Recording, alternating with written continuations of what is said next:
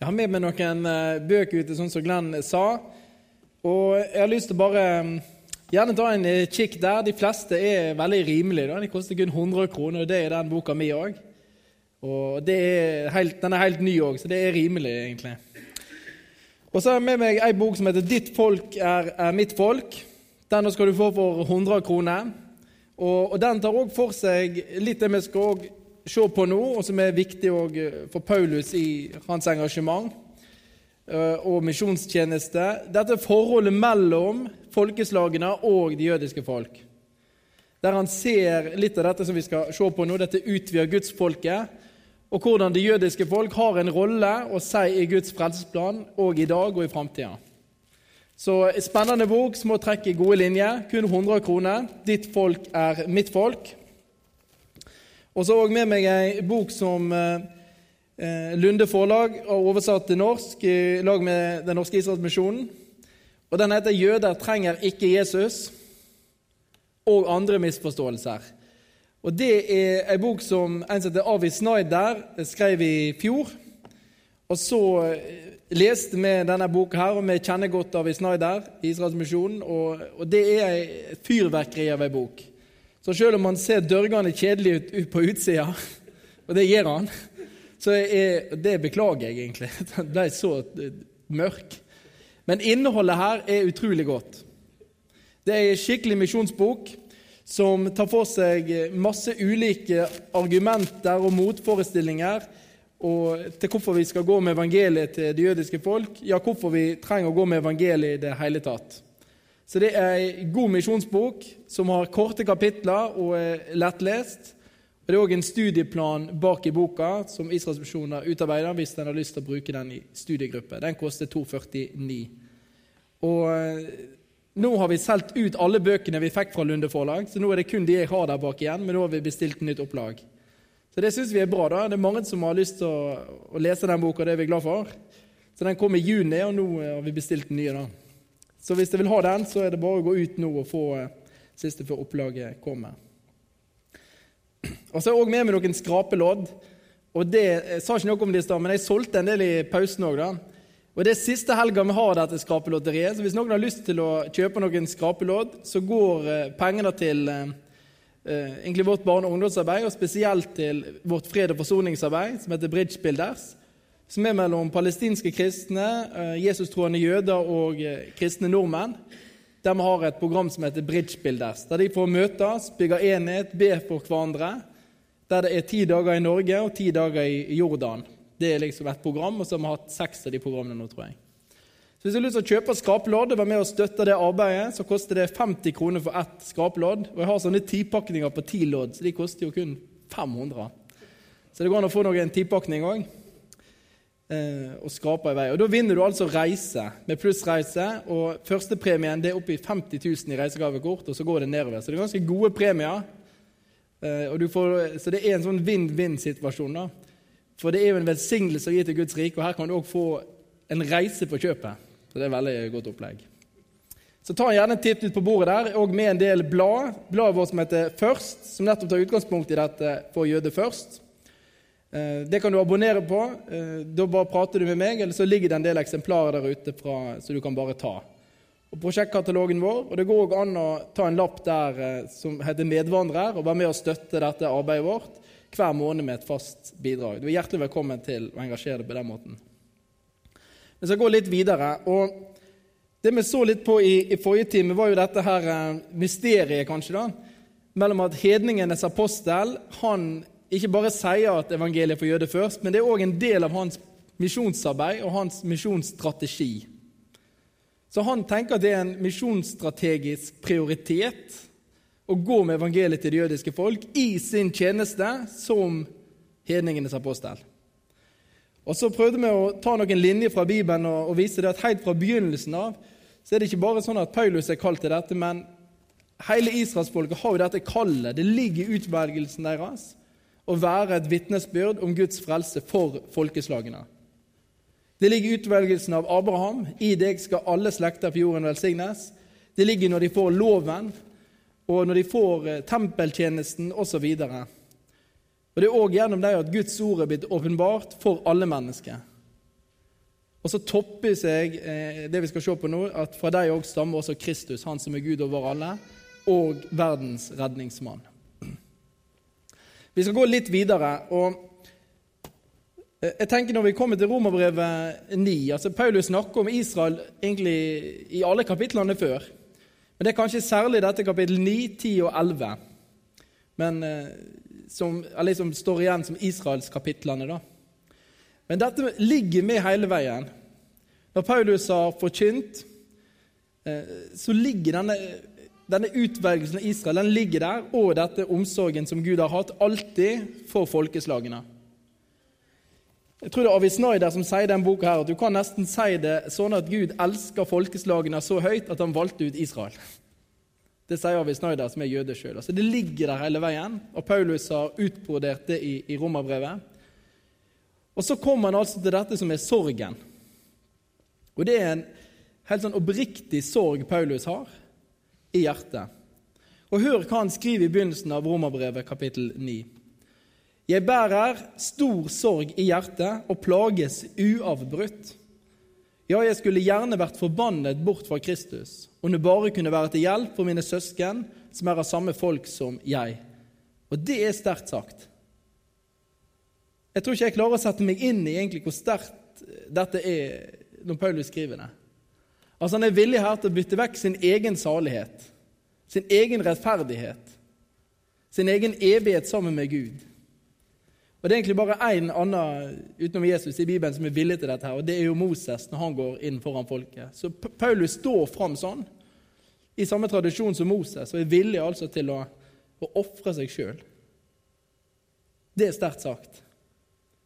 Så dette er sorgen, dette er det han plages uavbrutt med, er at det folket som Gud har utvalgt, og som har et kall og har en oppgave for verdensmisjon, det er nå utenfor. Og Det er ikke første gang i historien. I, i eh, Rombrevet 9 så refererer Paulus til denne Elia-fortellingen som vi var så vidt inne på i stad. Han refererer altså til den. Denne resten som var igjen da, og som er igjen nå. Det er ikke første gang i historien, men det er altså sorgen hans. Og Han skriver om israelittene, det jødiske folk. Og Der har han ei, ganske god smørbrødliste, egentlig Rombrevet 9. Han skriver at de har retten til å være Guds barn.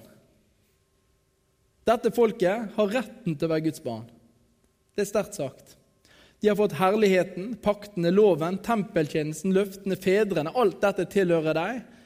Og så topper det seg til slutt i den listen han skriver, og for dem stammer også Kristus, han som er Gud over alt og alle. Det er klimakset. Her er fortrinna til Israel. Og Samtidig så legger han vekt på i Romerbrevet 3 hvilke fortrinn har da jøden. Altså, der skriver han at de er først og fremst at Guds ord er betrodd i, og så kommer resten av lista her i kapittel 9. Og Samtidig så skriver han hvilket fortrinn har da jøden? Ingen. Og Det er i forhold til deres rettferdighet, er i forhold til deres frelse. Paulus er helt tydelig på det at det er, ikke, er du født jøde, født israelitt, så er du ikke garantert å være rettferdig for evigheten i Guds øyne. Sånn har det aldri vært, og sånn er det heller ikke nå. Der har jødene ingen fortrinn framfor andre. De er like masse preget av syndefallet, syndefallets konsekvenser. Og historien, Når vi leser jødenes historie i Bibelen, så ser vi at gang på gang så er hjertene vendt vekk fra Gud. Akkurat sånn som det var når kong Akab levde. De var på kne for Baal, for andre guder. Her er det ingen forskjell. Alle har syndet og mangler Guds ære og herlighet. Og det er sorgen. At de som har fått alt dette, de som Gud har valgt ut, og det heter en sånn partikulær utvelgelse, det som gjelder noen få, de som har fått retten til å være Guds barn, de som har fått herligheten, paktene osv., og, og fra deg og Kristus stammer, han som er Messias og Gud over alt og alle, de er utenfor. Det er en sorg på ekte. Og det tror jeg I, i den linja vi er nå, så er det jo en, klart en sorg over at hans landsmenn, folket hans, har vendt Gud ryggen. Men òg i denne større Guds frelsesplan, som jeg tror at dette først skal ses inn i. Og Derfor kommer han til ønske. Altså Han bærer en sorg i hjertet, og så ønsker han noe av hjertet. Og det er at Israel må bli frelst.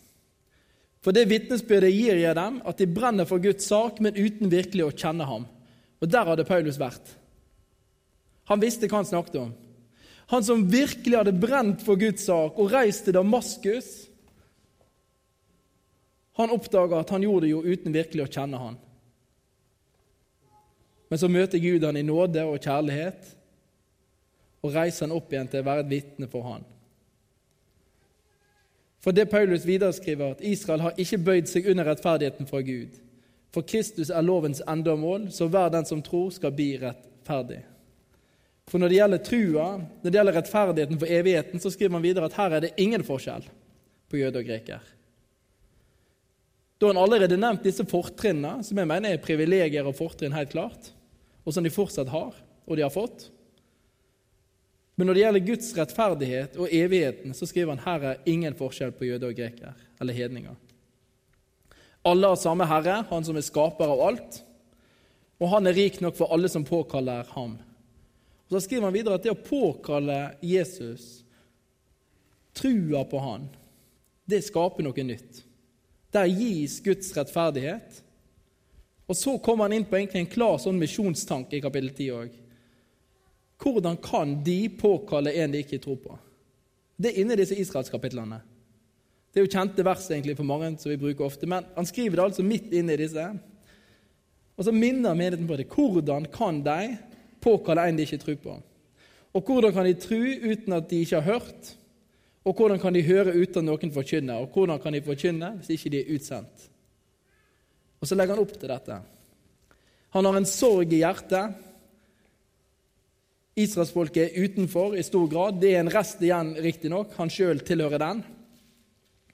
Han har et ønskehjerte, og den hører sammen med sorgen, at de skal bli frelst. Og så kommer det ut i denne klare misjonsbefalingen hans, egentlig, eller misjonsargumentasjonen. Hvis israelsfolket skal tro, hvis de skal vende om, så må det forkynnes for dem. Og Det gikk vi gjennom at dette er ikke bare ord for Paulus, dette var en del av hans virkelighet en del av hans tjeneste. Han går til by etter by, og han går til synagogen. Så blir han steina. Så blir han forfulgt, og så reiser han seg opp igjen og så går han videre til neste synagoge. Og Så kan du også lese i Apostelens hjerne hvordan jødene er med å forfølge han her, men han gir seg ikke. Denne kjærligheten er der virkelig. Så det er ikke tomme ord når Paulus skriver at han kunne ønske at han sjøl var forbanna vekk fra Kristus. Det er virkelig sannhet. Dette er en djup, djup på hjertet hans. Og hvorfor er det sånn? Er det bare fordi er hans landsmenn, eller har det med noe i framtida å gjøre òg? For Paulus han spør i Romerbrevet 11. Og Det spørsmålet tenker jeg er viktig. Og Det kan òg være at Paulus har tenkt at når noen leser Romerbrevet og dette det er ingen forskjell osv., så, videre, så kan de komme til en tanke om at Israel hadde en rolle fram til Jesus kom, og nå er Gud ferdig med det. Nå er han som er lyset, han som er frelseren, han er kommet. Og nå er det kun et universelt budskap som gjelder. Paulus har med det universelle, men så tar han òg opp her i kapittel 11 Har Gud forkasta sitt folk, altså Israel? Er han ferdig med det? Er det slutt på de nå? Er disse løftene vi leste om i Det gamle testamentet, og Guds utvelgelse og kall om at de skal være vitner osv., har de fullført det? Er de ferdige? Har Gud forkasta sitt folk. Dette tar han òg opp i kapittel 3. Om de vist seg troløse, opphever det Guds troskap, skriver han i kapittel 3. Og Så svarer han her kapittel 11 slett ikke. Og På gresk så ligger det en sånn at det må Paulus skriver jo dette slett ikke mange ganger. og Det som ligger på gresk, egentlig er at det må du få tanken vekk ifra. Det sneker seg inn noe i tanken som ikke hører hjemme. Så Hvis en tenker dette spørsmålet etter å ha lest rombrevet så skriver Paulus dette må tanken din vekk fra. Sånn er det ikke. Slett ikke. For også jeg er israelitt, av Abrahams ett og Benjamins stamme. Gud har ikke forkastet sitt folk, det folket han hadde vedkjent seg. For selv om de har vist seg utro, så skriver Paulus at deres utroskap kan ikke oppheve Guds troskap. Hvis en tror det, at israelsfolket sin troløshet opphever Guds troskap, så er det òg slett ikke tanken vekk ifra det. Gud er annerledes. Selv om israelsfolket viser seg troløse gang på gang gjennom hele Bibelen, så forblir Gud trufast. Og så skriver Paulus at Gud kan ikke angre sine nådegaver sitt kall. Kallet står fast. Og Det betyr, sånn som Paulus sier det òg, at det Jesaja skrev, det gjelder. De er kalt til å kjenne, tro og forstå hvem Gud er. De er kalt til å være et folk som forkynner Guds storhet ut i verden. Og sagt veldig folkelig da, så er de kalt til å være i fronten av verdens evangelisering og verdensmisjon. Dette er ikke forkasta. Dette gjelder der ennå. Det er egentlig det eneste kallet Israel har fått. Å være med og proklamere Guds storhet i verden. Det er nummer én. Derfor ga han de loven. Derfor ga han de tempeltjenesten. Derfor ga han de løftene. Derfor har de fått alle disse fortrinnene her. Utrusta de til å være vitne for evangeliet, for Gud. Og så minner Paulus altså om dette, at Gud har ikke forkasta dem. Og han sjøl er jo på en måte, referansepunktet og selve beviset på det. For hvis Gud hadde forkasta Israel, så skulle aldri i livet Paulus ha reist rundt nå og forkynt evangeliet. Det er hans logikk. For jeg òg er israelitt. Jeg er fra Benjamins stamme, og dermed er det også i vår tid blitt igjen en rest. Og For Paulus så viser jo dette Guds troskap, Guds storhet og han har i sin nåde utvalgt denne. Dette er den frie nåden som gjelder. Det har blitt igjen en rest på samme måte som det har vært gjennom Det gamle testamentet. Esekiel òg tilhørte jo denne resten, ikke sant? Elia tilhørte denne resten, osv. Og nå tilhører Paulus, Johannes, Peter, disse jødene som tror på Jesus, og reiser altså med livet som innsats rundt i hele datiden kjente verden med evangeliet. Tilhører denne resten. Og Så underviser Paulus om, om dette som jeg har lyst til at vi skal se litt på. Dette utvider gudsfolket. Og Det er viktig for han å undervise om. Han bruker faktisk ganske mange kapitler i Det nye testamentet til å undervise om dette.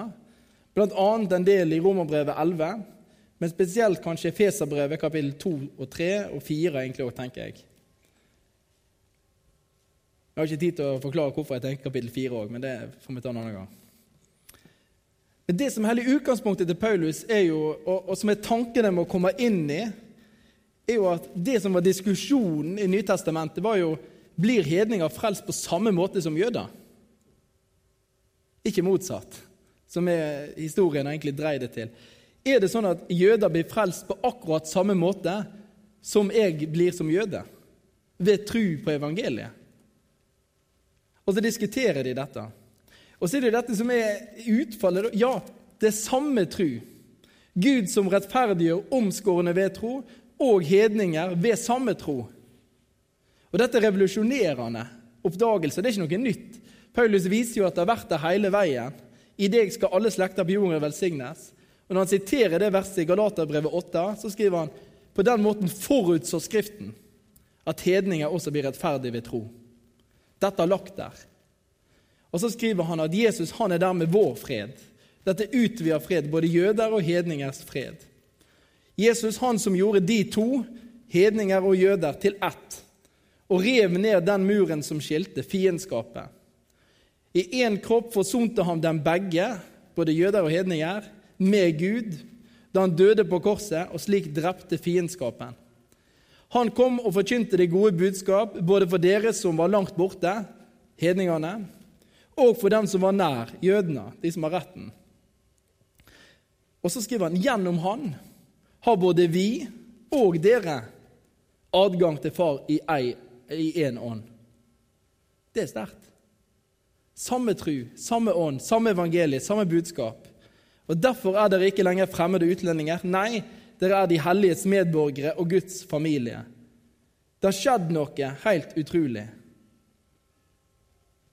Guds familie. Å tilhøre et folk og disse røttene her. Og Han fortsetter jo i Romerbrevet, nå går vi til Romerbrevet 11, der han også snakker om dette. Og Da snakker han om Guds familie og Guds folk som et tre. Og så skriver han er roten hellig, er greinene det også. Og så kommer det som er sorgen, og det han plages uavbrutt av. Noen av greinene er nå brukket av. Noen av de første greinene de er brukket av. Det er sorgen. Og så skriver han og du, det er altså meg og deg, som var en vill oljekvist, er blitt podet inn blant greinene og fått sevje fra roten sammen med dem.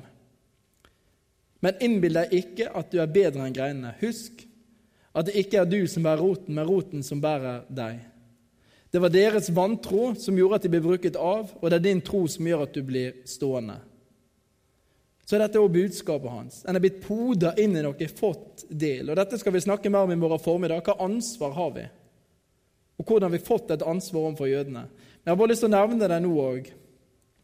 Paulus underviser om dette utvider gudsfolket. Og så skriver han i Galaterbrevet at i Kristus Jesus så er det ikke noe forskjell. Her er verken jøde eller greker, slave eller fri, mann eller kvinne. Vi er alle ett i Kristus Jesus. Og så er Noen setter opp det verset, og så argumenterer de for ja, men da er det ikke noen som heter jøde lenger. da. Vi er jo alle ett i Kristus. Dette vi skal ut, det er blitt det universelle gudsfolket, og alle som tror på Jesus, er egentlig Israel per definisjon. da. Her er det ingen forskjell. Hva svarer en på en sånn eh, når de argumenterer sånn. Hva hadde du svart? Jeg pleier å si det sånn at ja, men da, noe, da finnes det ikke mann og kvinne heller lenger. da. Er du blitt kristen, så er det ikke noe kjønn. For her er verken mann eller kvinne. Alle ett i Kristus. Men det er jo ikke sånn her inne at hvis jeg hadde spurt om alle som er dame, kunne rette opp hånda, så hadde Arne Pareli tatt opp hånda si. Han veit at han er mann, håper jeg. Ja, tommel opp? Ja. Men er det forskjell på hvordan en dame blir frelst, og hvordan en mann blir frelst? Er det ulike måter mann og kvinne blir frelst på? Nei. Det er akkurat den samme måten. Det er evangeliet, og det er trua. Og det er det som er poenget til Paulus. Når det gjelder rettferdigheten framfor Gud, så er det ingen forskjell. Det er alle ett i Kristus. Jødenes vei til frelse er òg hedningenes vei til frelse, trua på evangeliet. Og den er lagt der hele veien. Men det betyr ikke at jøde ikke fins lenger, og hedning ikke fins i Guds rike.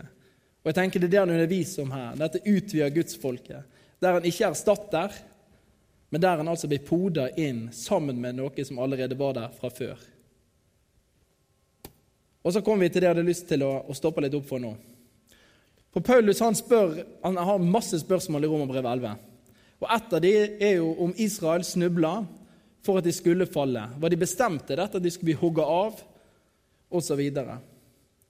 Og Paulus svarer kanskje litt dårlig på det, syns jeg, men han svarer slett ikke. Jeg har ikke noe mer svar enn det. Tanken vekk ifra det. Nei, deres fall gjorde at frelsen kom til de andre folkene, og så skulle jødene bli misunnelige på dem. Sånn ser Paulus det.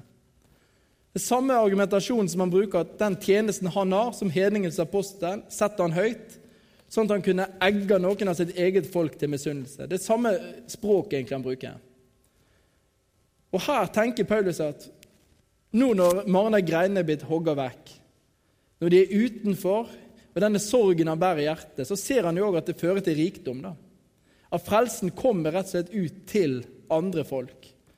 Blir menigheter som blir oppretta i by etter by rundt Middelhavet. Og nå sender han òg brev til de som bor i Roma, verdens hovedstaden på den tida. Og så ligger det hos Paulus og i Guds store frelsesplan er at frelsen kom jo til de andre folkene, sånn at jødene skulle bli misunnelige på dem. Og På engelsk så står det egentlig bedre 'provoke, pro, uh, provoke to jealousy'.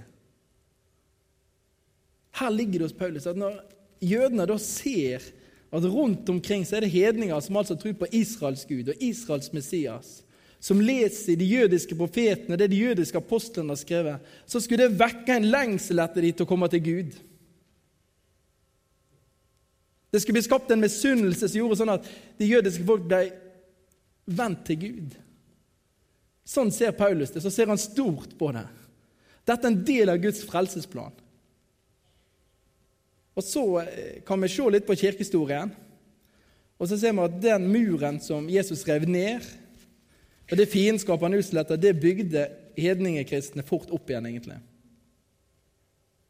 Og Der har vi et medansvar, faktisk. Jeg har bare lyst til å vise et kort bilde. Og Det heter Jodensau, og det henger i Wittenberg, kom i 1307. Og Det er altså bilde av en gris, og her skulle de kristne i Wittenberg på 1300-tallet pynte kirka. Og Da fant de ut at dette var en god idé. Dette er kunst, kirkekunst. Den henger der fortsatt i dag. Reis ut til Wittenberg og ser på kirka der. Så finner du denne reliefen her, altså av en gris, som er et ureint dyr for jødene, med en rabbiner som løfter opp halen og beinet bak og ser inn i grisen, og jøder med kippa under, som suger melk ut av, eh, ut av grisen. Da. Og Over så står Guds navn på hebraisk, sånn som jødene uttalte det. Det er kunsten.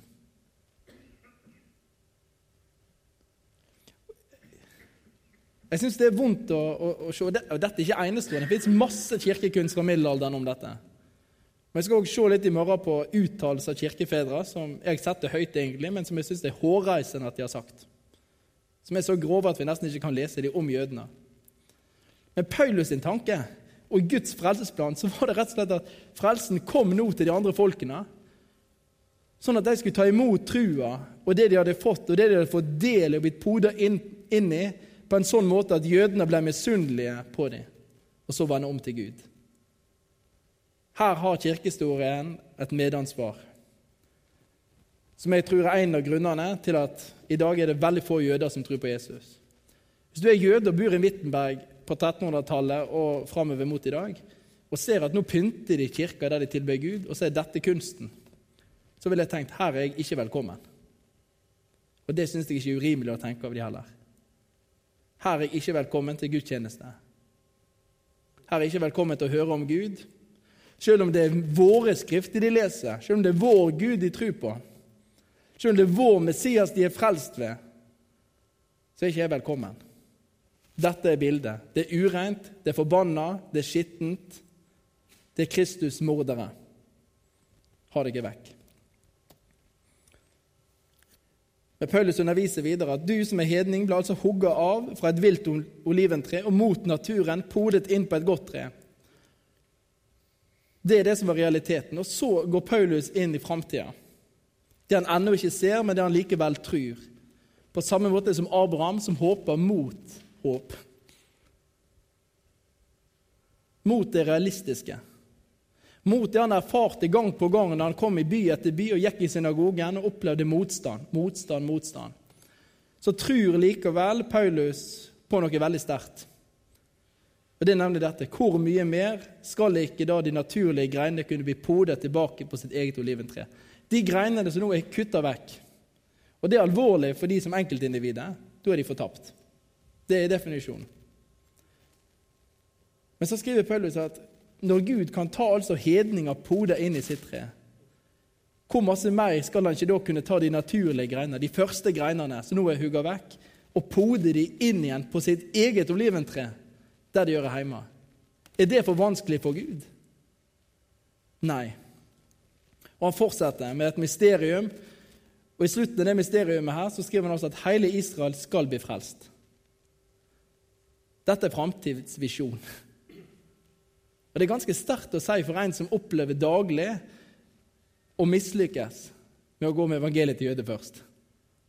Det er noen som tar imot, men i det store og det hele så, så jo Paulus mer og mer hvordan greiene ble hugga av. Og Likevel så holder han dette oppe. Hele Israel skal bli frelst. Av evangeliet er de blitt Guds fiender. Det mest naturlige for en jøde, og det mest jødiske en jøde kan gjøre, er egentlig å tro evangeliet. Det er ikke noe unaturlig for en jøde med, med det å være jøde og tro på Jesus. Det er mer rart at hedninger tror på Israels Gud og Israels Messias.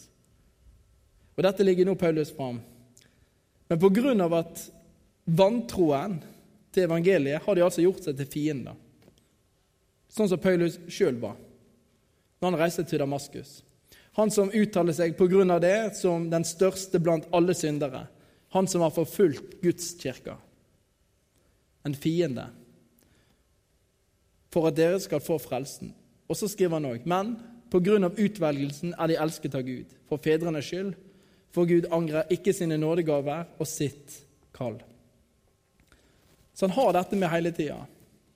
Og I et større eh, heilbibelsk bilde så er det egentlig som å lese Hosea-boka. Hvis du leser den, så ser du òg at Hosea har dette spillet med ord, som Paulus er inne på her. Israelsfolket som er Guds folk, på hebraisk ami. Og Samtidig skriver Hosea om det at dette folket er nå i en situasjon som gjør at de er lo ami, ikke mitt folk. Dette har Hosea med hele veien. Han framholder utvelgelsen pga. fedrene, pga. løftene, Guds trofasthet. Men så tar han òg livet, måten de responderer til Gud, relasjonen til Han. Og da må konklusjonen bli her er lo ami, mi, ikke mitt folk. Og Det gjør Paulus òg nå. På den ene sida er de blitt fiender pga. evangeliet. På den andre sida er de fortsatt elska, og utvelgelsen står fast. De har fortsatt en oppgave. De har et kall som ligger over dem. Og der kommer han inn i det store. For når Israels fall har ført til rikdom for verden, skriver han, og det har ført til forsoning for verden. Og det har det virkelig gjort. Og det så Paulus. Men jeg tror ikke han ante hvor stort det egentlig skulle bli. For fire-fem år siden så tok jeg et fly fra Norge ned til Afrika og så ut til Madagaskar. og Derfor tok jeg et lite småfly ut til jungelen, og derfor gikk vi i to timer til en landsby der det aldri hadde vært en hvit mann før. Og når vi kom inn til landsbyen, så kom jo alle for å se da, og ta meg i hånda og lure på hva dette er for noe merkelig. Det var, det var ikke bare meg, det var en hel gjeng. Men midt oppi den landsbyen der så var det altså ei kirke der de trodde på Gud. Og Så gikk jeg inn der, og så hadde vi gudstjenestefellesskap. Visst det hadde ført for rikdom for verden, forsoning for verden. Rundt om på kloden i dag så tror altså mennesker fra alle folkeslag og nasjoner på evangeliet. Er ikke det stort? Jeg syns det er helt vanvittig stort. Og Dette ser altså Paulus begynne å skje, og så ser han òg fram. Dette har ført til rikdom. Det har blitt enormt. Og vi, Kanskje ikke vi tenker det er rart, men til og med i Norge tror folk nå på Israels Gud og Israels Messias og er berga for evigheten. For Paulus må jo det ha vært en helt sånn eh, utopisk framtid at folk oppe i barbarerland og lenger forbi det òg, helt oppi her, nesten Nordpolen, tror på Gud. Men det har skjedd. Til og med folk fra Jæren tror på Gud. Ser du det som Paulus er inne på? Det er enorm rikdom. Og samtidig så holder han fast på noe som jeg tror man lett får glemme, og som krever egentlig tro på at Gud er den han sier han er. For mens Paulus skriver dette, her, så ser han bare for meg der han sitter. Og så sier han liksom, eller han får noen til å skrive det for seg, eller han skriver sjøl Nå må det stoppe opp. For hvor masse mer? Altså Når det har blitt rikdom at Israel forkaster evangeliet, så til og med jærbua kan løfte hendene når vi synger navnet Jesus hvor masse mer skal det ikke da bety at de kommer med i fullt tall? Altså, når Israel blir frelst, når disse greinene som nå er kutta av, blir poda inn igjen, hva vil ikke det føre til når forkastelsen ble til den rikdommen? Ser du hva han prøver å si? Hvorfor det er viktig for han å gå med evangeliet til jøder først? Hvorfor dette ikke er et nummer to eller tre eller fire for Paulus? Han har framtidsblikket, og han har en misjonsstrategisk prioritet. Når fallet og forkastelsen har blitt til enorm rikdom og stor forsoning for verden, hvor masse mer skal det ikke da bli at de kommer med? Hva må det ikke da føre til at de blir godtatt? At de kommer inn igjen på treet? At de tar imot evangeliet? Jo, liv av døde, skriver han. Jeg vet ikke om han klarer å ordlegge seg hvor stort det er. Så det blir liv av døde. Og det, eh, ja, det er, sier egentlig ganske masse. Der det var helt dødt, der vil det bli liv. Hvis vi tenker at det er liv nå Nå bor det folk altså på Madagaskar og Jæren og Finnmark og Radøy og alt som tror på Gud. Så sier Paulus at når Israel tar imot, og det folket som har en utvelgelse og kall og har fått alt dette, fungerer til det de skal, da blir det som liv av døde. Det kommer til å bli en enorm misjonsmark, en enorm vekkelse. For det kallet som har lagt rett fra begynnelsen av for folkeslagene, det gjelder fortsatt. Men for at de skal fungere i det, for at de skal leve i sin utvelgelse, så trenger de evangeliet. For evangeliet det er Guds vei til frelse for Israel. Det er ikke noen annen vei til frelse for en jøde enn evangeliet. De som sier det, de lyver. Og de gjør stor vold og urett mot Guds ord. Jesus sier det sjøl. Han er veien, sannheten og livet. Ingen kommer til far uten med meg. Og Det sa han først og fremst til sine jødiske disipler når han er sammen med dem i Jerusalem. Og Når Peter og Johannes står foran de øverste jødiske lederne, så sier de til dem det fins ikke frelse i noen annen, for under himmelen er det ikke gitt menneske noe annet navn som vi kan bli frelst med. Dette er Guds vei til frelse for Israel. Og Det som er det store, som alltid har vært der, men som Paulus får mer og mer innsikt i, det var at den veien også er hedningenes vei til frelse. Det er samme tro. Gud som rettferdiggjør både omskårne ved tro og hedninger ved, eller uomskårne ved samme tro fra rombrevet. Derfor må evangeliet forkynne oss. For den eneste veien til frelse for hver enkelt jøde det må også forkynnes for dem fordi vi står i takknemlighetsgjeld. Vi skylder å hjelpe de, skriver Paulus, når vi som hedninger får del i deres åndelige gave. Vi er poda inn i noe. Vi har fått del i noe. Og Deres fall gjorde jo at frelsen kom til oss, og så skulle jødene bli misunnelige på, på, oss. egentlig. Her har vi et ansvar, tenker jeg. Vi står i takknemlighetsgjeld, og vi har fått del i noe. Og Det store vi har prøvd å være inne på i dag, er jo nettopp dette store kallet i Guds frelsesplan. Israels kall til å være i fronten av verdens evangelisering. Gud har ikke forkasta sitt folk, han angrer ikke sin nådegave og sitt kall. Dette står fast. Og I Paulus så blir det altså liv av døde. For mitt folk som jeg har formet, skal forkynne min pris, det har vi lest. Og hvor mye mer skal ikke da bety at jeg kommer med i fullt tall? Hva må det ikke da føre til at det blir godtatt? Jo, liv av døde. Og jeg tenker Hele visjonen oppsummeres godt av Johannes når han får se fram. altså. Når han deretter så en skare så stor at ingen kunne telle dem, av alle nasjoner og stammer, folk og tungemål. De sto foran tronen og lammet kledd i hvite kapper, med palmegreiner i hendene, og de ropte med høy røst, seieren kommer fra vår Gud, han som sitter på tronen, og fra lammet. Paulus er med på dette når han går til jøde først. Når han går i synagogen, så ligger dette som han skriver i rombrevet, helt framme. Jeg går ikke for gøy. Jeg går ikke fordi jeg har glemt kallet mitt heller. Men det går med evangeliet til det folket som er kalt til å bringe det ut til hele verden. Det er strategisk. Det er en misjonsprioritet, en misjonsstrategisk prioritet. Derfor skammer ikke Paulus seg over evangeliet. Dette er den eneste kraften og det eneste som er gitt til frelse for alle mennesker. Det er lagt der hele veien. Det er ved tru, og det er lagt der helt fra begynnelsen av. Og så skriver han dette må forkynnes, og dette er for jøde først, og så greker. Og I Paulus sitt virke så er det ikke bare at han går til jøde og ikke til hedninger. hele tatt. Dette går hånd i hånd. Det er ikke vanntette skott. Og Det mener vi må ta inn over oss. Vi skylder naboene våre, vennene våre, familiene våre å gå med evangeliet til dem. Det er Guds kraft til frelse for alle mennesker. Det er Guds kraft til frelse for de som ennå ikke hadde hørt på hvor de enn bor i verden. altså, For alle folkeslag. Og vi er en del av dette. Men òg som kristne, vi som tror. Vi er òg et kall til å gå med evangeliet til det jødiske folk. Og Det som jeg tenker må være sorgen, er jo at i kirkehistorien så det som var et først for Paulus og for apostlene, det er blitt, ble et nummer to, et nummer tre, et nummer fire. Etter hvert så var det jo helt uaktuelt. Jeg lagde kirkekunst, altså antimisjon. Og I dag så lever vi kanskje i en tid der dette med Israel og jøder og sånn er blitt en særinteresse for noen få. da. Men for Paulus var det et først. Og han så på det i en større sammenheng. Og Det betyr at å være Israels venn og samtidig hate arabere, f.eks., det går ikke an. Det er umulig. For Israels Gud elsker alle mennesker og ønsker at alle mennesker skal komme til han og bli frelst og lære sannheten å kjenne. Det er en misforstått israelsvennlighet. For Israels kall er jo nettopp å være et lys overfor deg.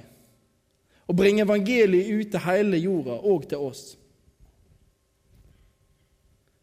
Når vi i Israelmisjonen sier evangeliet til jødene, eller tilbake til jødene, så er det ikke bare fordi vi tenker at det er viktig bare med det folket, men vi tenker at det er det folket som er kalt og utvalgt til å bringe evangeliet ut sammen med oss til resten av verden.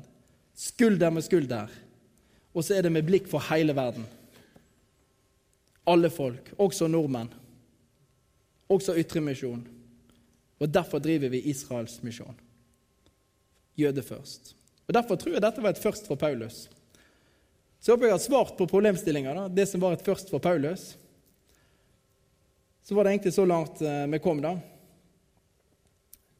Spørsmål og sånn, da?